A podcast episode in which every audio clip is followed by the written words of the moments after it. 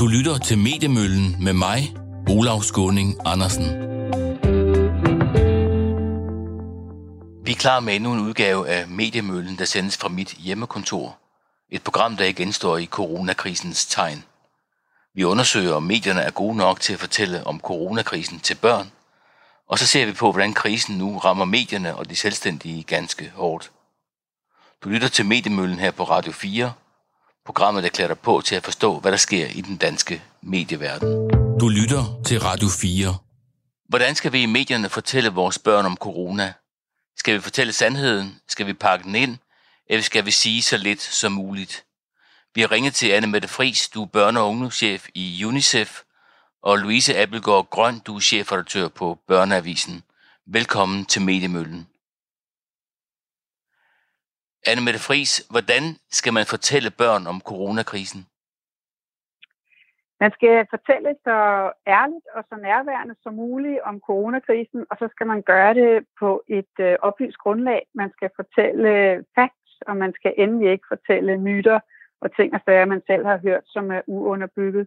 Og så skal man selvfølgelig være meget opmærksom på barnets alder, fordi det er jo ikke helt det samme, man siger til et lille barn som til et stort barn.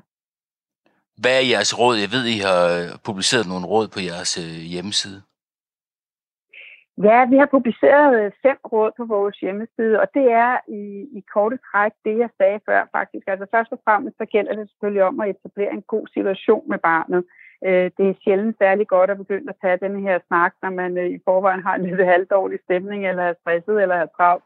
Så det er rigtig godt at tage den, hvis man er i gang med en hyggelig aktivitet sammen. Man sidder måske og tegner, eller øh, gør noget andet, som er hyggeligt, så er det en, en rigtig god, et godt scenarie at tage sygdommen i. Og, øhm, og så, så er det vigtigt, at man øh, holder sig til fakta og spørger barnet, øh, hvad det har hørt på forhånd. Altså, så man tager udgangspunkt i det, som barnet i forvejen går og tænker over.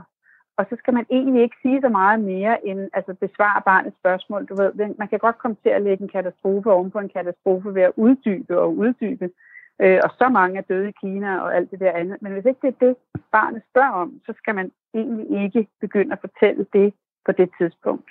Så man skal og ikke sådan øh, rute med sandheden? Altså, man, man, man behøver jo ikke at rute med sandheden i forhold til, det er igen det der med at kigge på barnets alder og modenhed og sådan noget, ikke? Hvis barnet slet ikke er der, hvor det er nødvendigt at fortælle, hvor mange der er omkommet i Italien, så skal man ikke gøre det nødvendigvis. Hvis det er noget af det, der bekymrer barnet, hvis barnet spørger ind til det, så skal man svare på det. Louise Appelgaard, du er chefredaktør på, på Børneavisen og sidder med de her problemer til daglig. Hvilke overvejelser gør I jer, når I skal fortælle børnene om, om corona? Vi gør os mange overvejelser, det skifter også hele tiden. Øh, specielt de sidste uger er det jo gået rigtig stærkt. For få uger siden, der stod vi jo og, og skrev artikler om, at det var noget, der foregik i Kina, og det var ikke noget, børnene skulle bekymre sig om. Og så kommer det til Danmark, og så begynder vi at skrive om, at det er mest de ældre svækket. Og lige forstår står vi i en situation, hvor det jo har påvirket hele samfundet. Og børnene mærker det jo den grad nu, fordi deres hverdag den er vendt, vendt fuldstændig op og ned. Så, så ja, noget af det, vi har forholdt os meget til, det er at fortælle fakta. Men fakta har jo været en sjov ting i det her corona, fordi det har jo hele tiden været nye ting, der kom frem, og der har været så meget, man ikke har vidst. Men der er også rigtig meget, vi ikke fortæller børnene. Og øh, det mener vores aldersgruppe er 9-12-årige. Øh, vi tror meget på, at fakta må være det, de skal bruge til noget, og så skal de have rolig og lødig viden. For hvis de har rolig og lødig viden, så kan de forholde sig til, hvad der foregår omkring dem. Men det er klart, vi skal ikke, der er masser af ting, vi ikke fortæller dem. De skal ikke med øh, ind på hospitalet i Italien og se, hvor forfærdeligt det er, eller øh, som Anne Mette også er inde på, vide, hvor mange er døde i Kina osv. Det er slet ikke, altså vi, vi, vi nævner ikke de ting i avisen. Men må man give sådan en usikkerhed øh, videre til børnene, at man ikke selv er helt sikker på, hvad der sker? Mm, både og. Altså man kan sige, det oplever de jo helt, helt per automatik, fordi vi for nogle uger siden, hvor vi, hvor vi har brugt flere kilder, som siger, at vi skal slet ikke være bekymrede i Danmark, til nu at stå her, jamen det skal vi måske. Øh, vi, vi går jo også ind og laver en rubrik, hvor vi siger, at sundhedsvæsenet er forberedt, og det er det, øh, sådan rent, øh, hvad skal man sige, når du kigger på det, men, men det er klart, at hvis, hvis ikke vi giver dem sikkerhed, og der ikke bliver lavet indgreb, jamen hvordan vil det så kunne se ud? Øhm, ja, fordi nogle, jeg, af de, ja. nogle af de ting, som I har øh, lavet artikler om, det er jo for eksempel, øh, at I skriver på et tidspunkt, ikke, øh, at, at Danmark er forberedt på krisen, på coronavirusen. Mm. Øh, mm. og, og hvis det så viser sig, nu er der lidt tvivl om forskellige ting, så er det op, sådan opstår, det opstår der jo mm. tvivl undervejs. Øh, hvordan formidler I så, hvad skal man sige, den usikkerhed til børnene? Jamen, der vil, jeg, der vil vi nok se dagen sådan, at vi vil gå ind og fortælle om det. Vi bliver nødt til at fortælle om den usikkerhed, der er. Men omvendt, så mener jeg også, at der er stor, stor forskel på, hvad der er børn og hvad der er voksne. Skal børn involveres i den usikkerhed, der er lige nu, som der bliver talt om i forhold til værnemidler? Og hvad, hvad er kommet fra Kina, og hvad er ikke kommet fra Kina, og hvad, hvad, hvad der er bestilt, øh, og hvad der er ikke bestilt? Det mener jeg faktisk ikke er en børnevirkelighed, og jeg mener ikke, at det er noget, børnene skal involveres i. Jeg mener stadigvæk, at børnene kan være ganske, ganske trygge med det sundhedsvæsen, vi har i Danmark. Øh, og der er heller ikke, da vi også var, vi har skrevet meget om det her, det er primært de svækkede øh, og de ældre, der kan ramme sig det. Det gør ikke, at børnene er mindre bekymrede i øvrigt, fordi så er det deres bedsteforældre eller deres gode venner eller andre, de er bekymrede for. Men, men, men det er jo stadigvæk, altså Danmark er forberedt, og Danmark gør mm. det godt. Mm. Og det mener jeg stadigvæk, at vi skal holde fast i. Det er vok- alt andet, det er voksne bekymringer. Anne Friis mm. fra uh, UNICEF, altså du talte om, at man skulle sige noget positivt i slutningen af de fortællinger, man giver børnene. Øh, hvorfor skal man det? Det kan man jo vælge i hvert fald. Nu vil jeg igen sige, at vi skal virkelig huske hele tiden, at der er forskel på børn. Ikke også? Altså børn er ikke bare sådan en homogen gruppe.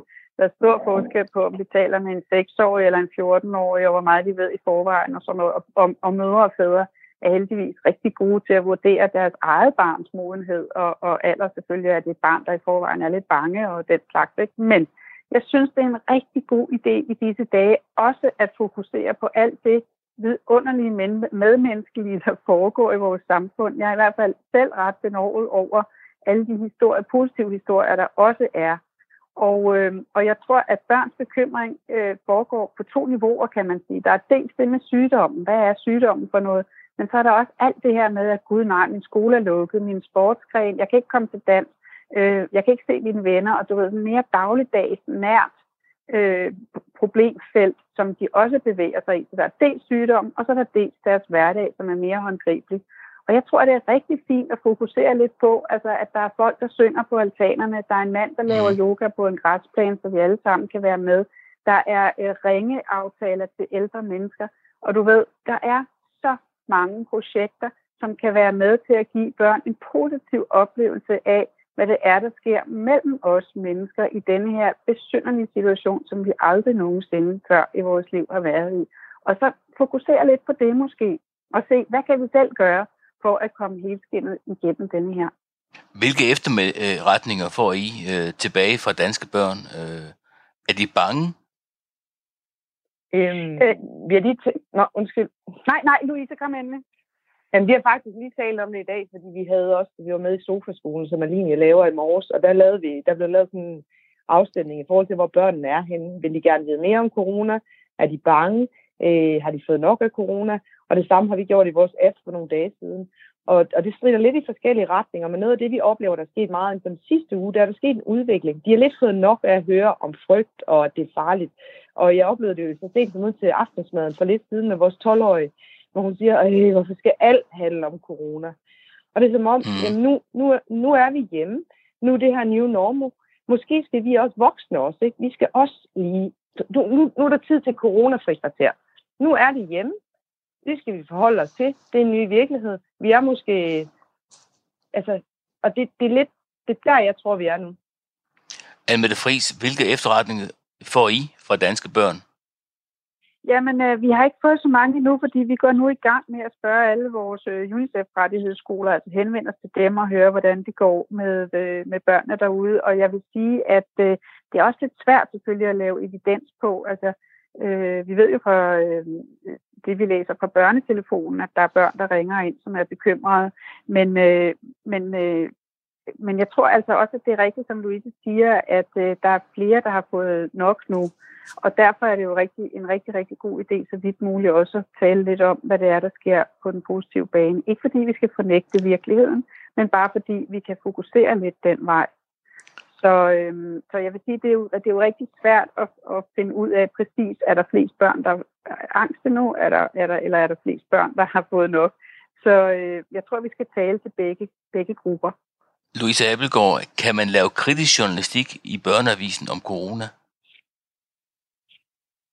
Det er et godt spørgsmål. Nej, det kan man nok ikke, og det er jeg heller ikke sikker på, at vi skal. Mm. Jeg tror, vi skal, vi skal, vi skal være lidt mere rolige i vores øh, journalistiske tilgang til børn. Og vi skal, som jeg sagde før, formidle fakta stille og roligt, og så skal vi med vores journalistik forsøge at gøre dem trygge. Men, men med viden følger også tryghed. Og så tror jeg, at det vi kommer til at gøre nu, vi kommer også til at sidde lidt om. Vi har haft nogle uger, hvor vi har haft to opslag ud af 24 sider med corona. Jamen, fremadrettet bliver det måske alt efter, hvad der sker naturligvis, men måske et opslag. Øh, I næste uge har vi faktisk for eksempel også, man er med, siger, et opslag, som er mere sådan omkring de her fællesskabsting, og det handler mit forår eller leder os om. Hvad er det så, der kommer ud af det her? Man taler jo tit om, at der kommer noget godt ud af en krise, selvom det er noget, noget, også noget underligt noget, øh, også ud af krig, nu det her i krig og så videre. Men der, der sker bare mm. nogle mhm. ting, og det vil vi hellere fokusere på, og det er der vores fokus er. Det er ikke på, det kritiske, på den kritiske journalistik. Det er ikke interessant for børn øh, på den måde. Det er ikke vigtigt. Det er en voksen ting. Almette Friis, øh, hvad synes du øh, om mediernes måde at gribe det her an på? Hvordan synes du, de har klaret opgaven? Øh, jeg vil sige, at øh, jeg, jeg synes egentlig, at øh, medierne har grebet det fint an. Jeg tror egentlig, ansvaret ligger lige så meget hos os familier for at slukke for medierne en gang imellem. Ikke? Altså, vi har jo også tendens til at lade fjernsynet køre, Facebook ligger, altså, du ved, iPad'en står fremme, øh, laptopen står fremme. Vi mm. hører det alle steder fra, og i radioen, fjernsyn og det hele. At, og jeg synes, måske er det vores opgave som voksne, som familie, som forældre, at slukke lidt, når vi har fået de oplysninger, vi skal bruge. Vi bliver sådan set ikke klogere af, at det hele kører dagen lang, og vi skal huske, at børn i alle aldre ser og hører og opfatter det, der sker i medierne, ufiltreret. Så det bedste er, vil jeg sige, at man sætter sig ned med børneavisen som voksen og, og, og kigger på det med sit barn, eller ser DR Ultra sammen med sit barn, og så behøver man måske ikke at se så vanvittigt meget mere, når børnene er til stede. Så det er ikke en særlig god idé at sidde og se 18 lange pressemøder og tv-aviser og den slags ting med sine børn? Kom an de på mindre børn? Igen, ikke? De mindre børn? Nej, det tror jeg ikke, de har nogen glæde af. Altså førskolebørn i hvert fald har ikke nogen glæde af det. Og øh, jeg ved heller ikke om, altså jeg ved ikke, hvor gamle børn skal være, før de har glæde af det. De kan jo, altså forældrene kan jo formidle det videre til børnene.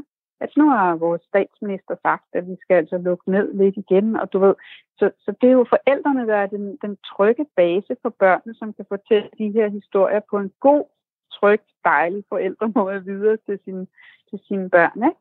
Og så, øh, mm. og så altså være lidt filtreret, og måske øh, slukke en gang imellem, se noget andet. Vi skal lige høre en samtale her, min kollega Anders Christiansen har med sin fireårige datter, Anna.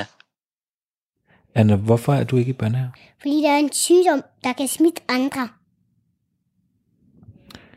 Og hvis man er alt for mange tæt på hinanden, og man krammer, og så man tager på, på kind og kører den hele vejen over munden, og så man kysser, så, så kan man ikke blive sige. Så derfor er jeg i børnehave. Hvad ved du om, øh, hvad det er for en sygdom? Fordi den kan smitte. Er den farlig? Ja. Det er derfor, jeg ikke har børnehave. Ved du, hvem øh, den er farlig for? Fra de gamle. Når man ikke må besøge sin, sin farmor og farfar, sin mormor og alle dem, der er gamle. Mm. Det, er lidt, det er lidt hårdt. Børnehaven er lukket. Ved du, om der er andre ting, der er lukket?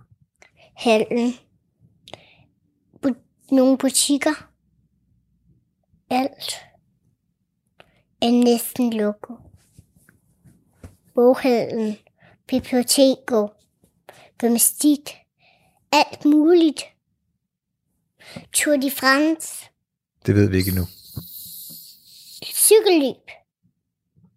Og Anne Mette Friis, øh, Går han for langt her, eller er det en god samtale?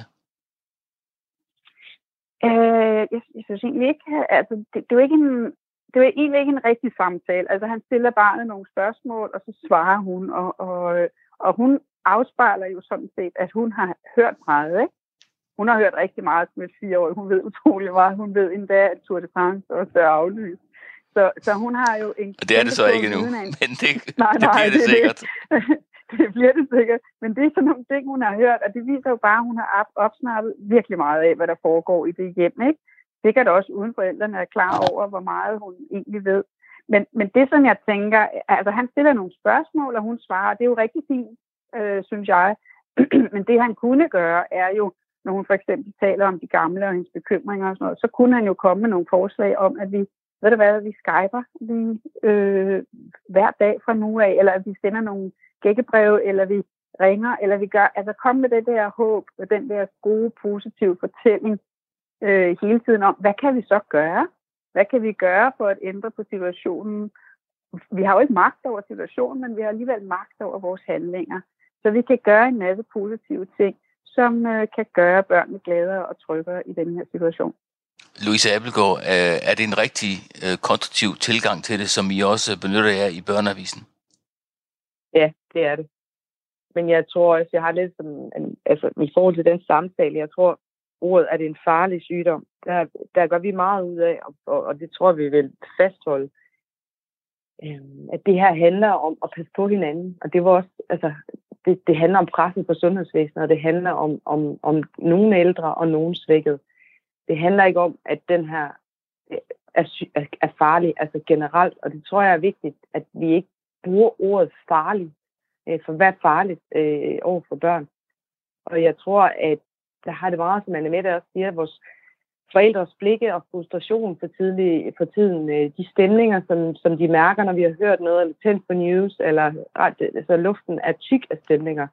Og der tror jeg, at vi bliver nødt til at finde ro i, at, at det er her, vi er nu, og det skal børnene mærke, og så skal vi passe på med at overtale tingene. Tak mm. til Anne Mette Fris, øh, børne- og ungdomschef i UNICEF, og til Louise Appelgaard Grøn, chefredaktør på Børneavisen. Du lytter til Mediemøllen med mig, Olav Skåning Andersen. Coronakrisen er hård ved mediebranchen, især selvstændige og iværksættere rammes hårdt. Fotografer har meget vanskelige vilkår, fordi Danmark næsten er lukket ned. Virksomhederne holder på pengene, og ingen vil have besøg af fotografer på grund af smittefare. Vi har ringet til Bax Lindhardt, du er freelance-fotograf. Velkommen til Mediemøllen. Tak skal du have. Du har mistet næsten alle dine kunder og har kun en enkelt tilbage. Det gik ret hurtigt. Fortæl, hvad der skete. Jamen, øh, det er rigtigt, hvad du siger. Det gik hurtigt. Det første døgn efter, at øh, statsministeren gik på tv og fortalte, at den var helt galt, så ringede øh, stort set alle mine kunder og aflyste de opgaver, som de havde booket mig til. Jeg havde øh, en opgave tilbage, som øh, lå og ventede i fem dage. Så blev den ændret et par gange undervejs til den blev justeret lidt, så den passede bedre i coronatiderne. Og til sidst blev den også aflyst, og så var der nul tilbage.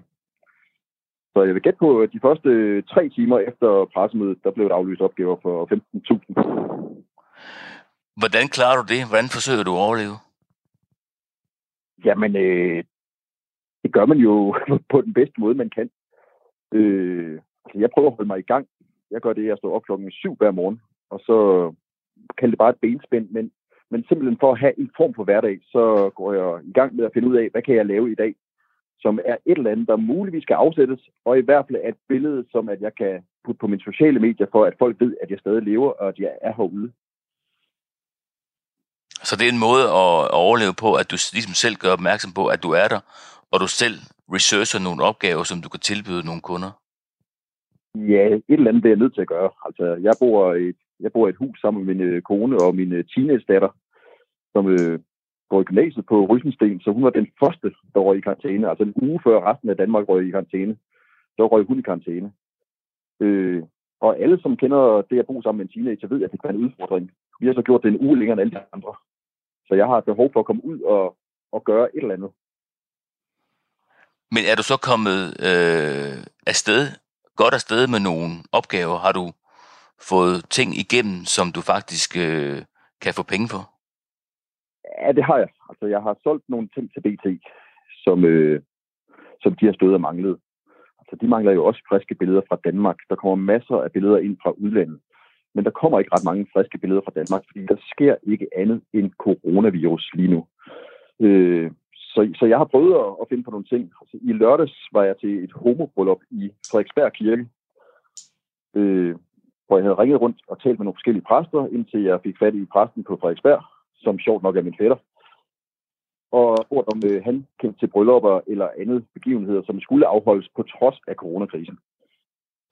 Og det skulle han. Han skulle, have, han skulle vi to øh, unge mænd, og det havde været lidt problematisk for dem, fordi de havde startet med en stor gæsteliste, og så blev den så mindre, og så måtte de have 50 med.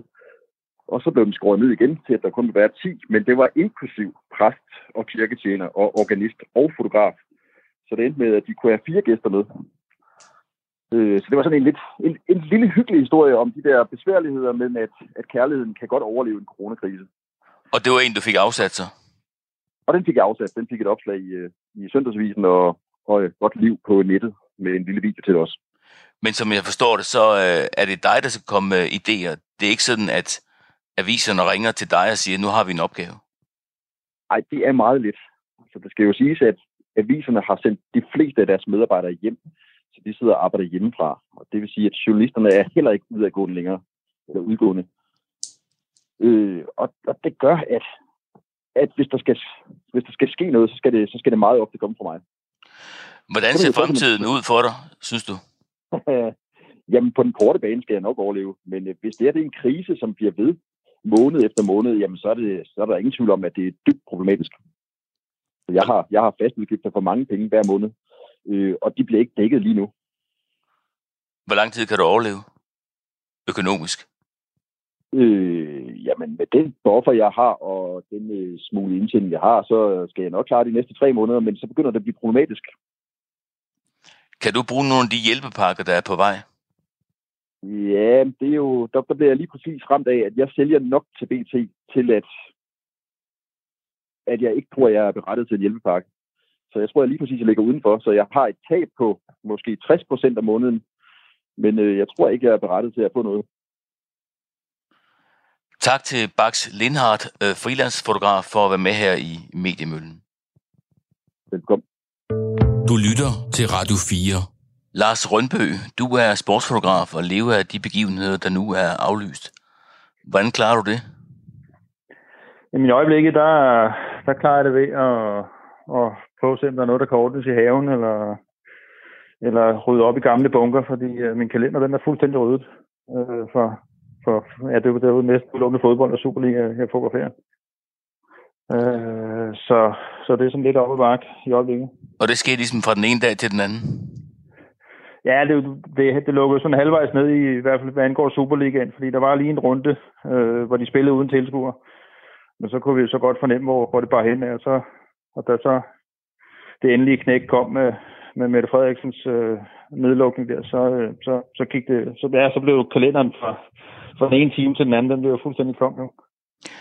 Du har en aftale med et øh, billedbureau, der løber til april, som jeg forstår det. Øh, men derefter kan du stå uden indtægt. Hvordan forbereder du dig på det?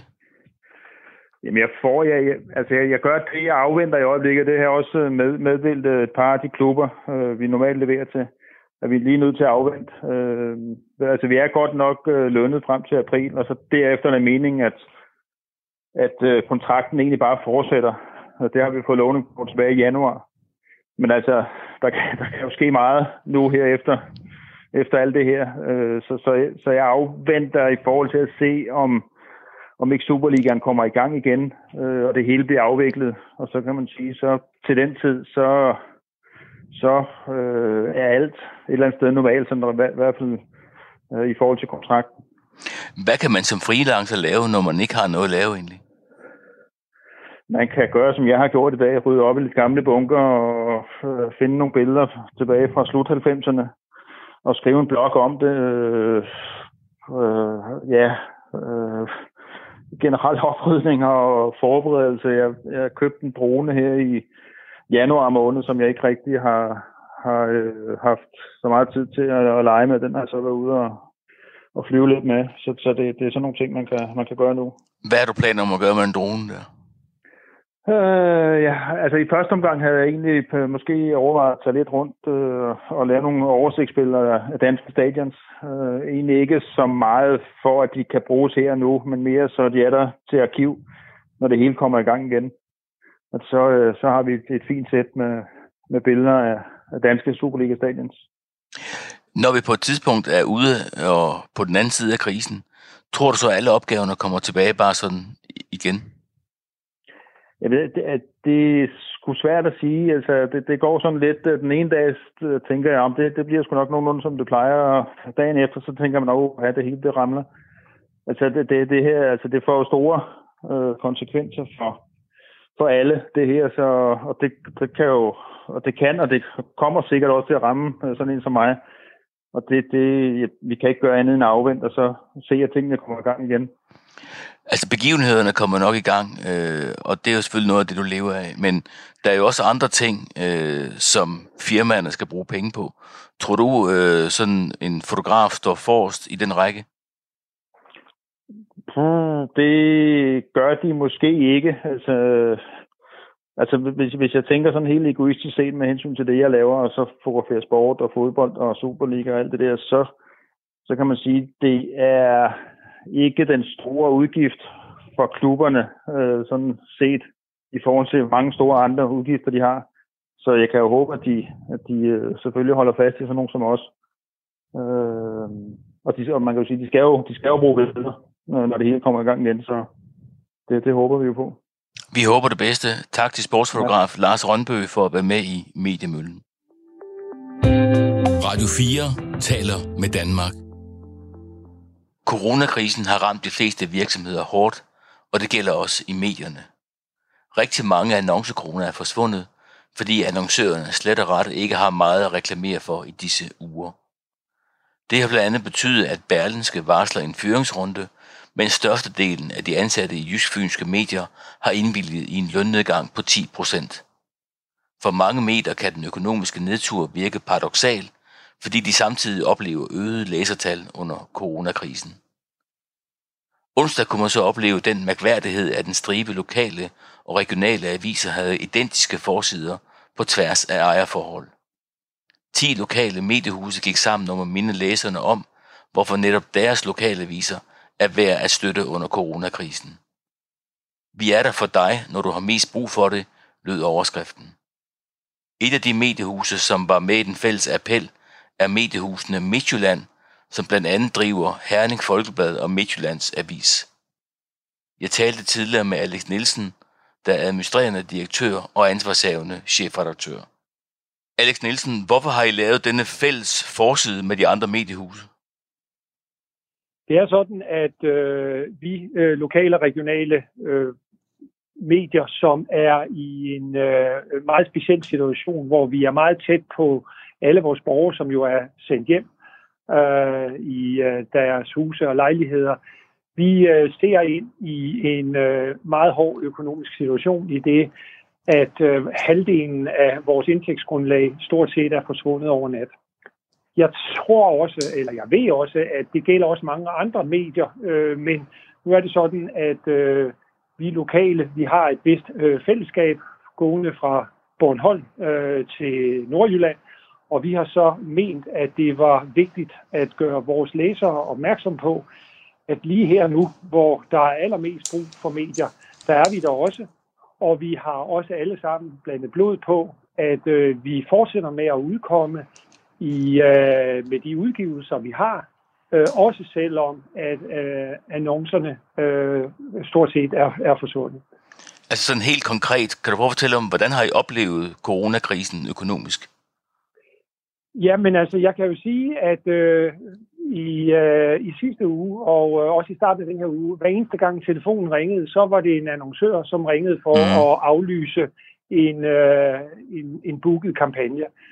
Øh, jeg øh, øh, løfter ikke øh, sløret for nogen hemmelighed ved at sige, at øh, for eksempel her i Herning, hvor jeg jo sidder, der ringede det lokale center, og øh, det opkald, øh, det kostede 1 million kroner øh, på aflysningen af de kampagner, der er. Og jeg har jo i bund og grund så meget forståelse for, at et center, der er lukket ned, der kommer ingen kunder, hvad skal de markedsføre sig for, når der ikke er noget at komme efter? Jeg må bare sige, når jeg lægger øh, detailhandlen, jeg ligger rejsebranchen, jeg ligger bilbranchen, jeg ligger boligbranchen, jeg ligger restaurationsbranchen, jeg ligger event osv. så sammen. Alle de brancher, som stopper op, så rammer det også lokale medier, som gerne vil fortsætte med at komme ud til borgerne. Mere nødvendigt end nogensinde, at borgerne får at vide, hvad der også sker lokalt. Øh, så kigger jeg ind i øjeblikket i en forretningsmodel, som siger, jeg har alle omkostningerne fortsat. Fotografer, journalister osv. osv. Men jeg har ikke indtægterne fra øh, annoncerne. Mm. Og derfor så har jeg en rød, en blodrød, en postkasserød øh, økonomi øh, lige for tiden. Men vi vil fortsætte. Og set i det lys, øh, så var det, at vi gik sammen ud og sagde til alle vores øh, lokale borgere i hele Danmark, vi skal nok være der. Fordi, og det er vigtigt at sige, vi er et supplement til de rigtig gode nationale dækninger, der er coronakrisen. Det er Danmarks Radio og TV2, og det er Politik og Jyllandsposten og Berlingeren osv. De gør et eminent job.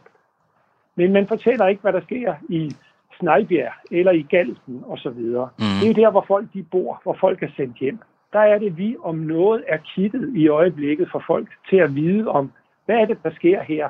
Hvad er det, der er lukket hos os? Hvad er, hvor er det, jeg kan komme hen og få nogle værnemidler? Hvor er det, jeg kan? Og så videre, og så videre. Og hvordan er det, andre de klarer sig igennem? Hvordan får man pasningen til at fungere med sine skolesøgende børn, samtidig med, at man skal passe sit eget job og så videre? Alle disse ting, helt ude lokalt, ned ad Svanevej, eller hvor det nu er, man bor, der er det, vi er der som et supplement.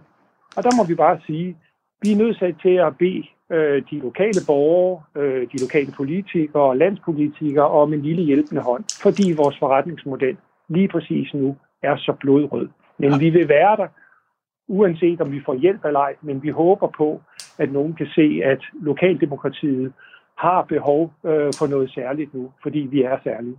Har I gjort noget for at nedbyde eller afbøde nedturen undervejs? Selvfølgelig har vi øh, gjort, hvad vi ligesom kunne, øh, at øh, prøve at lave nogle specielle øh, annoncepakker øh, til øh, takeaways og til andre, udover at vi selvfølgelig skriver en hel masse om det.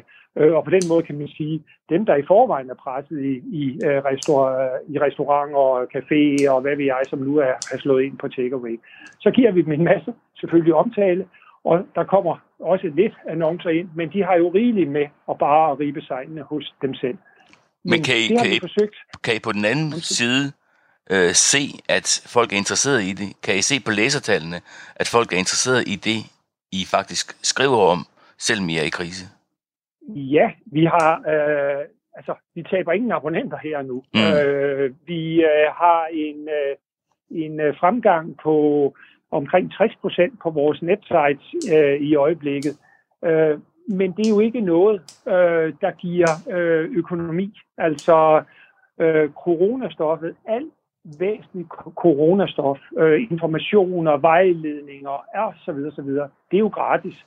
Og det øh, skal det også være i den her situation. Øh, så øh, vi håber selvfølgelig på, at vi får en masse sympati øh, over, at folk bliver vant til at bruge os, og at vi så bagefter kan ligesom få noget ud af situationen ved, at folk bliver hængende, og så øh, begynder at betale for de artikler, der, der, er, der er rundt omkring. Jeg vil selvfølgelig også sige, vi har også det, at øh, nogle steder øh, kan vi selvfølgelig sende folk på ferie. Altså udover at vi har sendt alle medarbejdere hjem og øh, arbejde på den måde, det er der ikke øh, noget specielt i.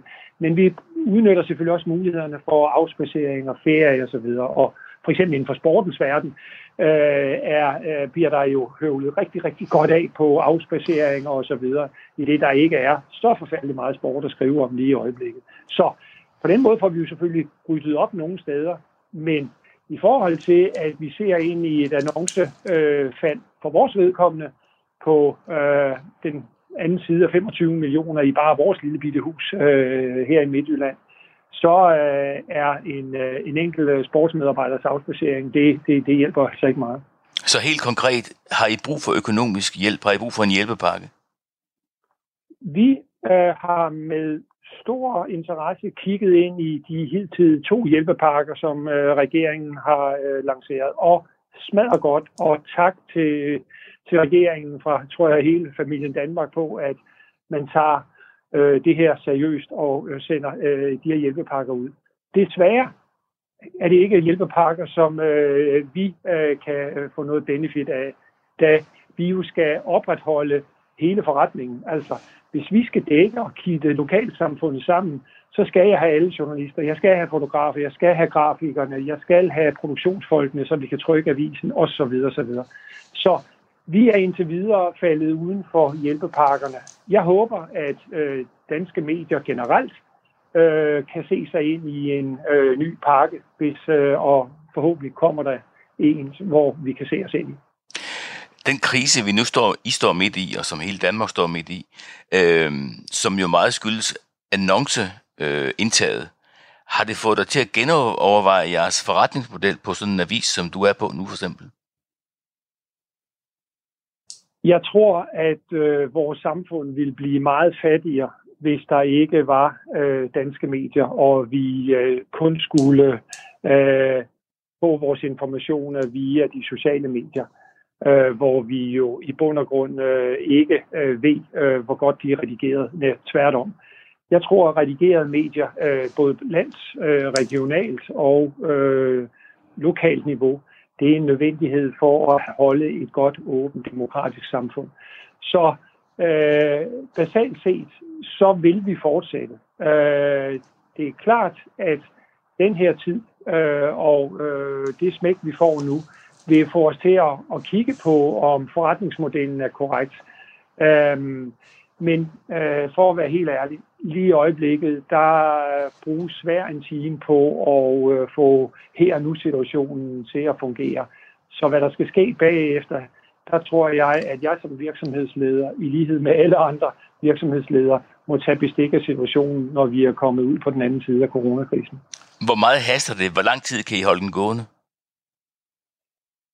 der er jo stor forskel fra det ene mediehus til det andet. Øh, øh, så øh, jeg kan, det kan jeg ikke sætte tid på. Øh, det jeg kan sige, det er, at øh, de mediehuse, som nu er gået sammen ud og har sagt, at øh, støt nu op om de, øh, din, din lokale avis. Øh, vi har givet hinanden håndslag på, at øh, vi kommer øh, ud til vores lokale borgere i, øh, under coronakrisen så må vi kigge ind i øh, konsekvenserne. Og jeg håber, ligesom alle andre danskere, at vi snart er har peaked coronakrisen, så vi kan kigge hen imod normale tilstande. Og hvis det snart sker, så øh, tror jeg, at øh, vi alle mere eller mindre forslået øh, kommer igen. Alex Nielsen, administrerende direktør og ansvarshavende chefredaktør hos Mediehusene Midtjylland. Tak fordi du er med her i Mediemøllen. Mediemøllen. Lyt med hver fredag kl. 12.10. Det er ikke kun de store og mellemstore medievirksomheder, der er presset af svigtende annoncesalg under coronakrisen. Også de helt små medier mærker den nye virkelighed. Har fået Foreningen for Lokale Fritstående Journalistiske Internetmedier til at skrive et brev til kulturministeren. Michael Kær, du er formand for foreningen, så er du også selv en del af et ultralokalt medie, nemlig Sønderborg Nyt, hvor du er kommersiel, redaktionel og administrativ styrmand. Velkommen til Mediemøllen. Tak skal du have. Hvad står der i de brev, I har sendt til kulturministeren? Jamen, vi øh, sendte et brev mandag aften til, til kulturministeren øh, med overskriften, at øh, vi øh, helt lokale internetnyhedsmedier var i knæ grundet manglende øh, annonceomsætning, og, og også at coronakrisen selvfølgelig også har sat sin spor her blandt Danmarks helt lokale øh, internetnyhedsmedier annoncekampagner de er, er blevet annulleret eller udsat, øh, og det sætter øh, selvfølgelig øh, vores medier i, i et, øh, et voldsomt økonomisk pres. Og øh, det, som vi så har skrevet til, øh, til kulturministeren, er, at vi øh, meget gerne vil indgå en dialog om, hvordan en eventuel hjælpepakke til medierne, som, som der tales om i øjeblikket øh, i kølvandet her på, på coronakrisen, hvordan den kan udformes, sådan at øh, vores 18 medlemmer øh, også kan komme betragtning til, til en eventuel hjælpepakke. Men det kan vel ikke komme bag på nogen, at det også medier som jeres er presset. Øh, hvorfor har I egentlig sendt det brev? Vi har primært gjort det, fordi at i dag er øh, der rigtig meget øh, dialog og snak øh, blandt de store mediehuse i Danmark, og vi udgør et, et øh, måske for mange på, på Christiansborg, et, øh, en lille mediegruppe, som hver dag har øh, tusindvis af læsere og servicerer borgeren øh, helt lokalt med, øh, med, med indhold, og, og for de fleste af os vedkommende gratis indhold til, til borgerne. Og øh, der vil vi altså gerne lige være sikre på, at man også tager højde for øh, nogle øh, internetmedier, som øh, leverer øh, aktualitetsstof og, og nyheder helt lokalt, at vi også har mulighed for at komme betragtning, for vi har ikke den nødvendigvis samme struktur eller organisation eller virksomhedsopbygning, som, som de traditionelle og, og store mediehuse har. Så det her var egentlig for at, at, at sige til, til, til kulturministeren, vi er her også. Øh, husk lige også øh, nu her, når, øh, når hvis du, du skal til at kigge på, på øh, nogle hjælpepakker til medierne. Og hvad er det, I kan, som de andre medier ikke kan? Jeg tror, at de fleste af os er jo født i, i, i en digital tid, øh, øh, og har ikke nødvendigvis så, så mange år på banen. Øh, nogle har, har 12 år på banen, som vi har i, i Sønderborg Nyt. Øh, andre har måske 10 og 5 år på banen. Men vi er jo alle sammen født ud af en internetvirkelighed, øh, og det vil sige, at vi har bygget vores forretninger ud fra, at det er internettet, der er vores publiceringskanal. Og øh, det gør selvfølgelig også, at vi i dag arbejder 100% online, øh, og øh, dermed også har man kan sige, en anden omkostningsstruktur, måske end, end, øh, end, end mediehusene har. Vi har ikke nødvendigvis de store omkostninger til, til husleje. Vi har selvfølgelig ikke for store omkostninger til, til distribution af f.eks. øh, øh, printaviser og, og trykning af dem. Så derfor er det nogle lidt andre øh, økonomistrømme, der er, og typisk er det også nogle meget mindre økonomistrømme, der er øh, blandt de her små øh, øh lokale øh, nyhedssites i, i Danmark. Hvordan har I så hos dig på Sønderborg Nyt egentlig oplevet coronakrisen? Jamen, vi øh, har her de sidste 14 dage øh, stort set øh, fået annulleret eller rykket alle vores øh, planlagte kampagner. Øh, og, øh, og det, er jo, det er selvfølgelig en, en udfordring, fordi vi, vi lige kommer til at mangle kampagneomsætning. Vores forretning her i Sønderborg så bygget op omkring nogle årsaftaler, og, øh, og der har vi så aftalt med, med vores årsaftalekunder, at, øh, at dem, der ikke lige har gavn af at bruge annonceindrykninger lige nu, jamen, de kan fravælge deres kampagner øh, senere på året. Øh, og øh, det giver selvfølgelig også sådan en potentiel her og nu udfordring på vores likviditet, fordi de kampagner, vi skulle have startet her, øh, dem får vi selvfølgelig ikke betaling for. Og, øh, og, og mange af de kampagner, der er stoppet, jamen det, det er jo de her arrangementer, det er rejser, det er hoteller, restauranter og caféer og storcenter, der altså alle sammen lokale annoncører. Øh, heldigvis er der så også nogle annoncører, som, som fortsætter med. Øh, det er jo blandt andet øh, de detaljbutikker, som jo meget hurtigt har formået at omstille sig til, til online-salg eller, eller bringer varer ud. Og så er der selvfølgelig også øh, annoncer for, for supermarkederne hernede, øh, særligt med, med fokus på, på deres online-salg og, og vareudbringning. Men er I livstruet, eller med andre ord, øh, mm. hvor længe kan I holde den gående? Jeg vil ikke sige, at vi er, vi er livstruede. Vi, vi er nok likviditetstruede forstået på den måde af, at vi jo ikke har øh, en stor pengekasse, som vi kan tage øh, penge op af.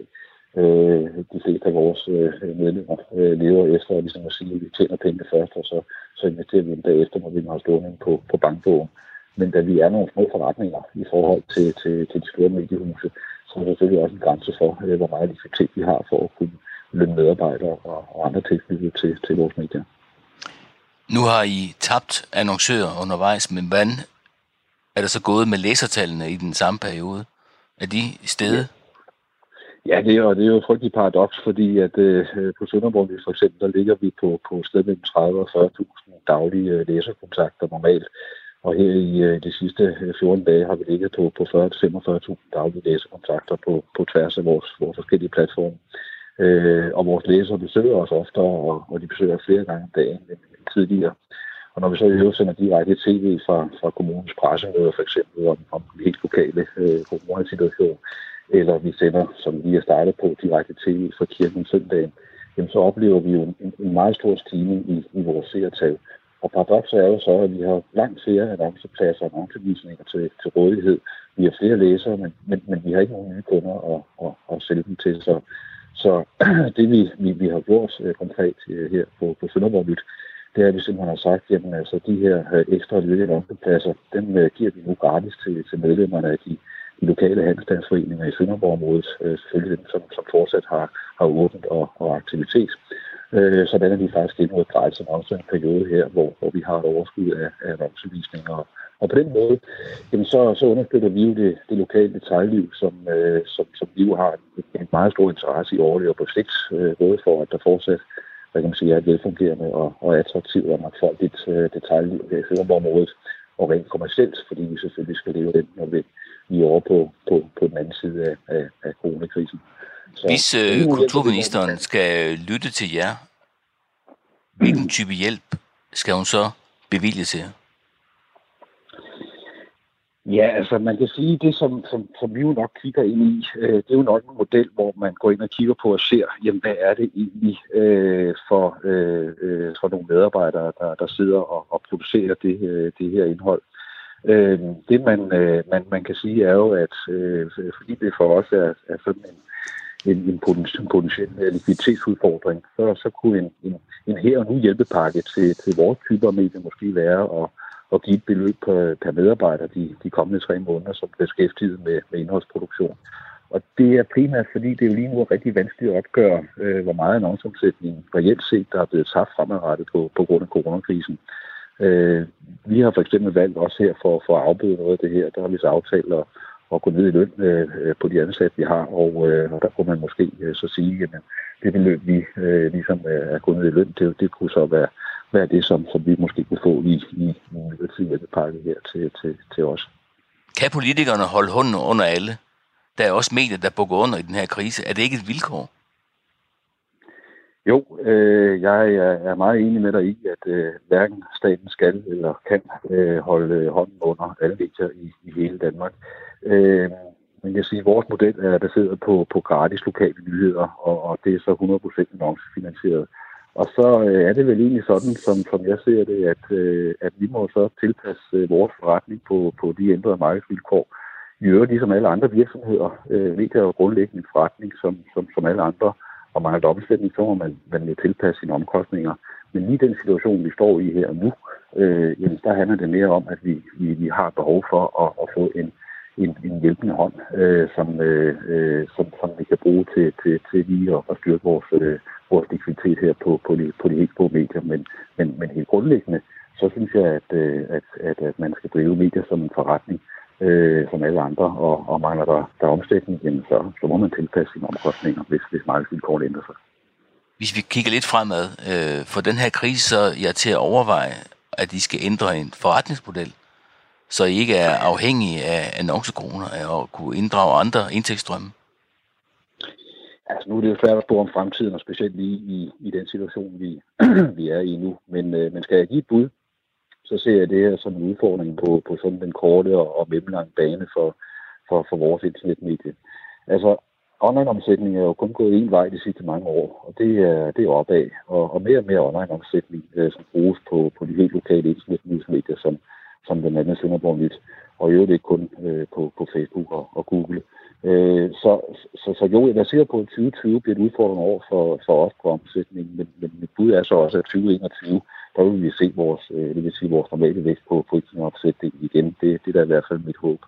Øh, så, så, så, så når du så spørger om, om forretningsmodellen, jamen, så kan du sige, at, at, at vores forretningsmodel den er grundlæggende baseret på, øh, at vi tilbyder gratis lokale nyheder, som, som er 100% annoncefinansieret. Og det er en, en model, der, der, der, der hænger godt sammen økonomisk, øh, fordi at øh, vi kan se, at vi får flere læsere, og vi får, får flere annoncører. Øh, det er selvfølgelig klart, at man kan kigge på, på, på en vej øh, med, med for eksempel abonnementsmodeller eller, eller betal per, øh, per artikel. Det er der nogle af jeres medlemmer, der gør også. Det er der nemlig af vores medlemmer, der gør. Øh, men, men for langt de fleste af, af, af den her type medier, øh, så har vi jo netop fundet en vej til at få øh, mange læsere i, i et meget konkurrencepræget mediemarked ved at tilbyde gratis indhold. Øh, og i øvrigt også til dem, som, som ikke har råd til at, at købe et avisabonnement. Så, så i hvert fald her på, på, på, på Søndervogn, der holder vi fast i modellen om, at det, det er gratis lokale nyheder, og, øh, og, og, den skal være annoncefinansieret. Og, øh, og det har vi indtil videre kunne, øh, kunne etablere en forretning på, og, øh, og, og, og, og skulle annonceomsætning så fremadrettet falde markant, hvilket jeg ikke tror, øh, så, øh, så skal vi selvfølgelig også tilpasse vores forretning. Michael Kær fra Sønderborg Nyt og formand for Foreningen af Lokale Fritstående Journalistiske Internetmedier. Tak fordi du var med i Mediemøllen. Velkommen. Du lytter til Mediemøllen med mig, Olav Skåning Andersen. Vi er ved vejs ende af denne udgave af Mediemøllen, der blev optaget på mit hjemmekontor. Mediemøllen sendes hver fredag og genudsendes lørdag kl. 12.10. Programmet kan hentes på Radio 4's hjemmeside og Radio 4's app, og der hvor du ellers finder dine podcasts. Du kan komme i kontakt med os på mailadressen mediemøllen radio4.dk. Programmet er produceret af Wingman Media for Radio 4 På fredag kl. 12.10 tager vi endnu en tur i Mediemøllen. Tak fordi I lyttede med.